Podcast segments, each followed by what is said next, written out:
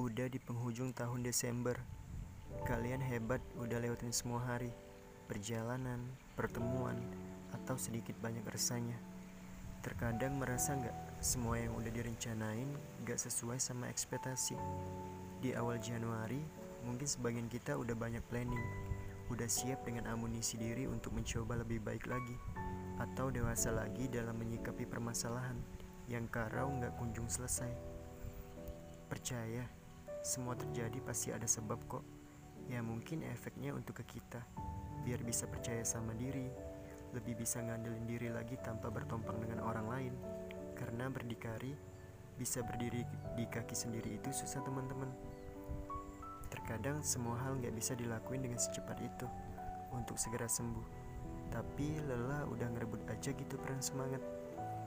Maha benar, maha melihat nggak pernah memberi ujian kalau nggak ada jawab. Jadi bersyukur adalah hal yang sederhana yang sering kita lupain. Oh ya, kalian juga nggak sendiri.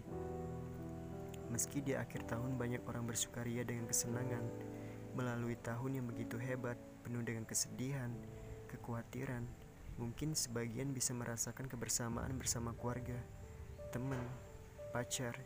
Ya buat kalian, buat gua juga, kesenangan itu hanya sementara. Ya besok harinya This is awal baru, rencana baru, mimpi baru, harus bisa setidaknya kita gapai. Kapan lagi kalau nggak sekarang? Murung lagi bakal terjebak dalam kejatuhan. Sebenarnya penyesalan yang buat itu terkenang. Semua itu terputar oleh lamunan. Ikhlas kuncinya. Dan mulai nikmati tarik ulurnya kesan lalu. Gak apa-apa hal itu terus mengikut, walau bukan pengikut hidup. Ya baik-baiknya penyesalan kamu. Kamu itu adalah orang yang berkesan sebelumnya. Terkadang hanya kesalahan simpel yang terjadi dan menghapus semua yang terjalin bertahun-tahun. Dan kamu menyesalinya itu. Dan dia enggak. Sedikit racun kan? Tapi itulah permasalahan. Kita enggak ada yang benar dan salah. Kita hanya manusia yang enggak ada sempurna. Itu sebabnya setiap kejadian harus membuat kita berproses Mungkin di saat jam udah berbicara, lonceng udah berbunyi. Yuk mulai berbenah, renungi hal yang udah kita lewatin. Sedikit haru, sedikit sesak, sedikit sunyi. Di saat orang-orang terkasih yang seharusnya ada bersama, tapi udah berada dalam jalur biru dan cerita baru. Udah, udah cukup menjadi guru untuk tahun ini.